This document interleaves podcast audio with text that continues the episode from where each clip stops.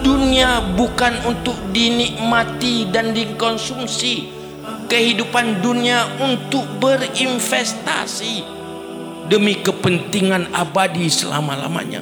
Itu arti dari dunia yang nampak oleh iman yang memadai dan bersinar di dalam dada. Kita dilahirkan bukan hanya untuk sebuah kematian dan berakhir dengan kematian. Manusia sukses dalam hidup di saat mampu memanfaatkan hidup ini untuk berinvestasi sebanyak-banyaknya untuk kebutuhan di akhirat yang tiada berakhir. Setiap yang masuk Islam berubah hidupnya jadi pejuang bukan hanya untuk cari makan. Mereka tidak pernah mempersoalkan lapar. Kemiskinan tidak pernah menghalangi mereka menjadi pejuang dan pengukir sejarah. Ingat tanya sejarah Al-Sufah Uro malam baki limang Rasulullah hanya ingin menyelamatkan ajaran Islam, menyelamatkan wahyu, menyelamatkan Al-Quran, menyelamatkan ilmu yang diberikan oleh Rasulullah sehingga mereka tidak pernah beranjak dari tempat itu untuk cari makan. Membuat orang lain salah persepsi. Dipikir alu sufahnya orang kaya-kaya. Aneh mungkin urang gatien tajak bengah ke pinainan tajak sepuk ke pinainan malam pinainan pasti ganyan orang yang sudah tidak usah cari uang. Pasti orang kaya tinggal makan-makan saja. Padahal kan kawau roh hanabu. Sehingga dipuja oleh Allah. Yahsabuhumul jahiluna aghniya min ta'affuf. Ikira li urang hanat usah urangnya dipikirnya urang kaya-kaya. Pakan ta'affuf ifa tidak pernah mengadu nasib tidak pernah mengeluh Anak agak pegat demo yang kamu kasih ni. Eh, demo, kasih.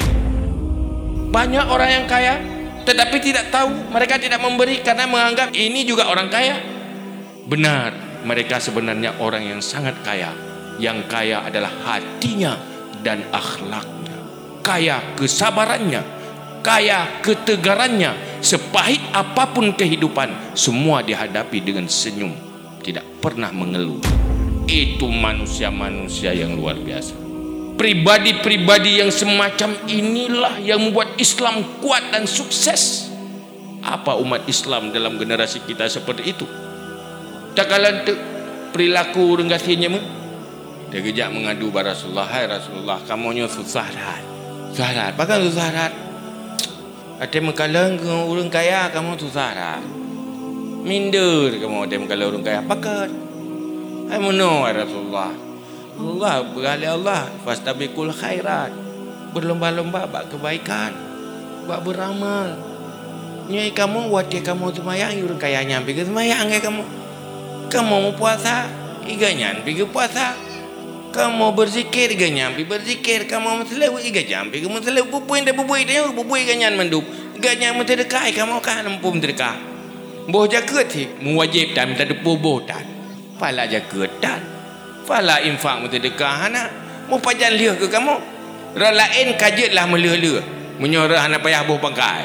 Meratib suruh anak payah beloi gawat dan payah sewa. Jodoh Rasulullah. Kepahitanmu menghadapi kehidupan yang pahit dengan sifat kesabaran karena Allah dan rida dengan keputusan Allah. Jauh lebih banyak fahala dari apa yang dilakukan oleh orang kaya. Tidak mengeluh terhadap keputusan Allah sanggup menghadapi rida dengan kotak qadar itu fahlah besar. Mendapat keridaan Allah. Mereka mengeluh karena tidak mampu memberi kepada orang lain karena kemiskinannya. Bukan mengeluh karena tidak diberi oleh orang lain.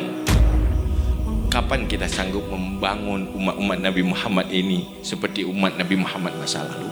Di mana pendidikan itu? Yang ada yang kaya kikir dan menzalimi yang miskin yang miskin jadi predator bagi yang kaya. Pengganggu pendengki membuat orang kaya tidak aman. Yang kaya juga kikir. Kapan kehidupan ini bagus? Mana pendidikan itu yang berhasil menyukseskan membangun kepribadian manusia